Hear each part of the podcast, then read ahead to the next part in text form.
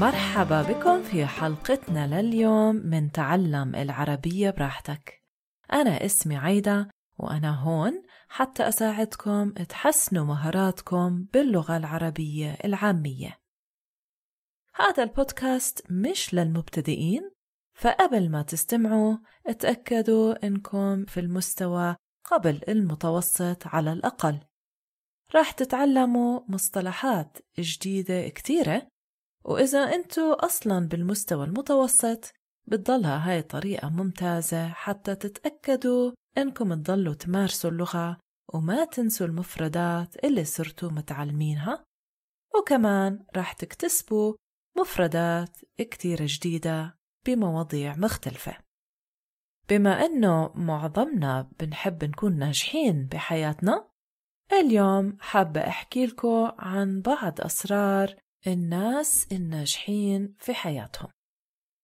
النقطة الأولى هي بأنه الناس الناجحين ما بهتموا كتير برأي الناس اللي حواليهم فيهم. بيعرفوا أنفسهم كتير منيح وبفهموا بأنه مش كل الناس حواليهم إيجابيين ورح يضلوا يحكوا شغلات إيجابية عنهم. عندهم قيم قوية وثابتة وبيعرفوا إيش الإشي المهم بالنسبة إلهم في الحياة. كمان عندهم أهداف واضحة وبياخدوا خطوات محددة حتى يحققوا هاي الأهداف. لكن بنفس الوقت هم بيعرفوا بأنه النجاح ما نقدر نحققه بين يوم وليلة. فبالتالي عندهم أطر زمنية واضحة بتساعدهم بأنهم يتقدموا خطوة خطوة للأمام. هلأ إنهم مش كتير بهتموا الناس شو بيحكوا عنهم أو شو رأيهم فيهم. مش معناته بأنهم مغرورين أو بأنهم ما بيستمعوا لرأي الناس حواليهم. لكن هم بياخدوا الملاحظات اللي بيشوفوا بأنها ممكن تساعدهم يتقدموا للأمام. يعني التعليقات أو الملاحظات الإيجابية وبقرروا إنه يتجاهلوا غيرها من الملاحظات. وهذا بدوره بياخدنا للنقطة الثانية. الناس الناجحين بتقبلوا النقد الإيجابي لأنه الناس الناجحة أو الناجحين بحبوا يضلهم يتعلموا. يعني هم مش ضد النقد بالعكس بتقبلوا النقد وبقدروا يستوعبوه بطريقة إيجابية كتير طالما إنه النقد نفسه بيكون إيجابي أو بناء. وهذا معناته إنه هم بيفهموا وبيعرفوا بإنه الشخص اللي عم بنتقد أي إشي فيهم أو بشغلهم عنده نوايا كويسة وحاب إنه يشوفهم بتقدموا. يعني هم أشخاص إيجابيين فبيعتبروا بأن النقد هو مجرد معلومات أو ملاحظات بتساعدهم إنهم يتعلموا من نجاحات أو إخفاقات الناس اللي حواليهم. ولهذا السبب هم بيحبوا إنهم يتفاعلوا ويحتكوا بغيرهم وبإنهم يطرحوا أسئلة. النقطة الثالثة هي بأنه الناس الناجحين بفكروا خارج الصندوق. وهذا معناته إنهم هم ما بتقبلوا الأمور زي ما هي. لازم يفهموا ويعرفوا ليش كل شيء بنعمل بطريقة معينة. فإذا كان منطقي بالنسبة لهم ممكن يتبنوا منهج معين. أما إذا ما كان منطقي راح يحاولوا يدوروا على منهج جديد يساعدهم بإنهم يتعاملوا مع مشكلة معينة. وكمان حتى لو في كتير ناس بيقولوا لهم بإنه الإشي مش ممكن إنجازه إذا كانوا هم نفسهم مقتنعين فيه رح يضلوا يحاولوا. التفكير خارج الصندوق كمان ممكن نحكي عنه تفكير جانبي lateral thinking وهو مصطلح أوجده عالم النفس أدوارد ديبونو. وهذا المصطلح معناته إنه إحنا أحيانا لازم نبتعد عن طريقة التفكير التقليدية ونحاول ندور على نواحي جديدة لفكرة أو مشكلة معينة. الناس الناجحين ما بضلهم مربطين أو مقيدين بطريقة تفكير معينة. بيقدروا الأفكار الجديدة وعندهم استعداد بأنهم يجربوها. أما بالنسبة للسر الرابع للناس الناجحين فهي بأنهم ما بيخافوا من الفشل وإنهم يتعلموا من أخطائهم. الناس اللي كتير بيكونوا مركزين على النجاح بكل إشي من أول مرة ممكن تفوتهم فرص للتعلم من أخطائهم. طبعا هذا مش معناته بأنه لازم نحاول نفشل لكن لازم نحاول آه، نجرب شغلات جديدة حتى لو ما كنا متأكدين من النتيجة أو كنا خايفين إنه نفشل. وهذا معناته لازم نغادر نطاق الراحة اللي هو موضوع أنا حكيت عنه في حلقة تانية باسم مغادرة نطاق الراحة. إذا ما جربنا شغلات جديدة فهذا معناته إنه رح نضل في نطاق الراحة لأنه إحنا خايفين كتير من الفشل. معظم الشغلات الجديدة بتتطلب منا شوية شجاعة وطالما إنه أخذنا أول خطوة الخطوات اللي بعدها مش حتكون سيئة مثل ما إحنا تصورنا. وكمان إذا جربنا إشي جديد وما زبط معانا فكرة إنه إحنا جربنا مسار معين ممكن يؤدي لفكرة جديدة أو مسار جديد ما كنا مفكرين فيه من قبل. السر الخامس هو بأنه الناس الناجحين عندهم وعي عالي لنقاط القوة فيهم ومواهبهم. الناس اللي بيفتقدوا للثقة بالنفس ممكن يكون عندهم مواهب مميزة بس بفشلوا بأنه يتعرفوا عليها أو أنهم يقدروها. بينما الأشخاص الناجحين غالبا بيكون عندهم ثقة عالية وبيعرفوا وين نقاط القوة عندهم وإذا عندهم موهبة معينة.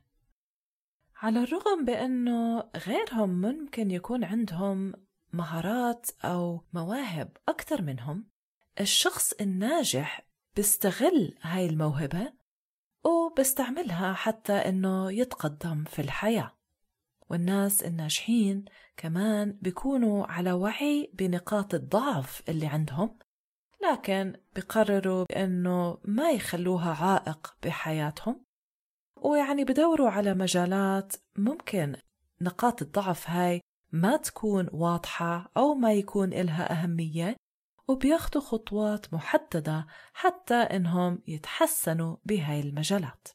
الموهبة بتكون ضايعة إذا ما قدرناها أو إذا قررنا إنه نحطها على الرف لأنه إحنا ما عنا فكرة كيف ممكن نستعملها لصالحنا. النقطة السادسة هي بأنه الناس الناجحين ما بخافوا يتركوا نطاق الراحة أو بأنهم يغلطوا فبالتالي عندهم جاهزية بأنهم ياخدوا مخاطرات مدروسة. معظم الناس بخافوا من المخاطرة لأنهم بخافوا من النتائج السلبية مثلا بأنهم يخسروا فلوس أنه يصفوا بوظيفة ما بحبوها أو بكل بساطة إنهم يفشلوا. الناس الناجحين ما بيخافوا من المخاطرة لكن أكيد ما بيروحوا بيقفزوا بمشاريع من غير ما يعرفوا إيش الإيجابيات والسلبيات. أول إشي بيدرسوا الموضوع وبيحللوا جميع جوانبه وبيستفيدوا من رأي الخبراء ومن الأغلاط اللي ارتكبوها غيرهم من الناس.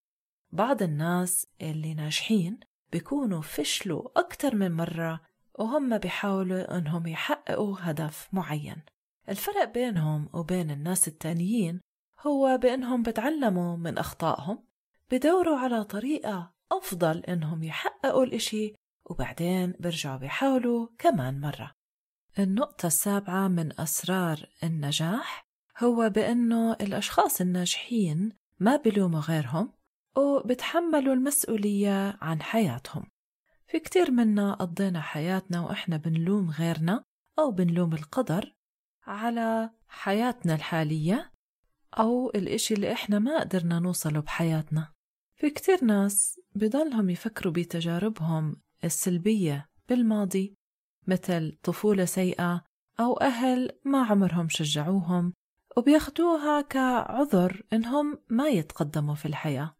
هو صحيح بأنه الماضي بأثر على شخصيتنا وطبيعتنا لحد ما لكن بنفس الوقت إحنا بمرحلة ما لازم نترك الماضي ورانا وناخد قرار واعي بإنه نحسن حياتنا للأفضل. بغض النظر إيش الإشي اللي ممكن قاعد بجرنا لورا.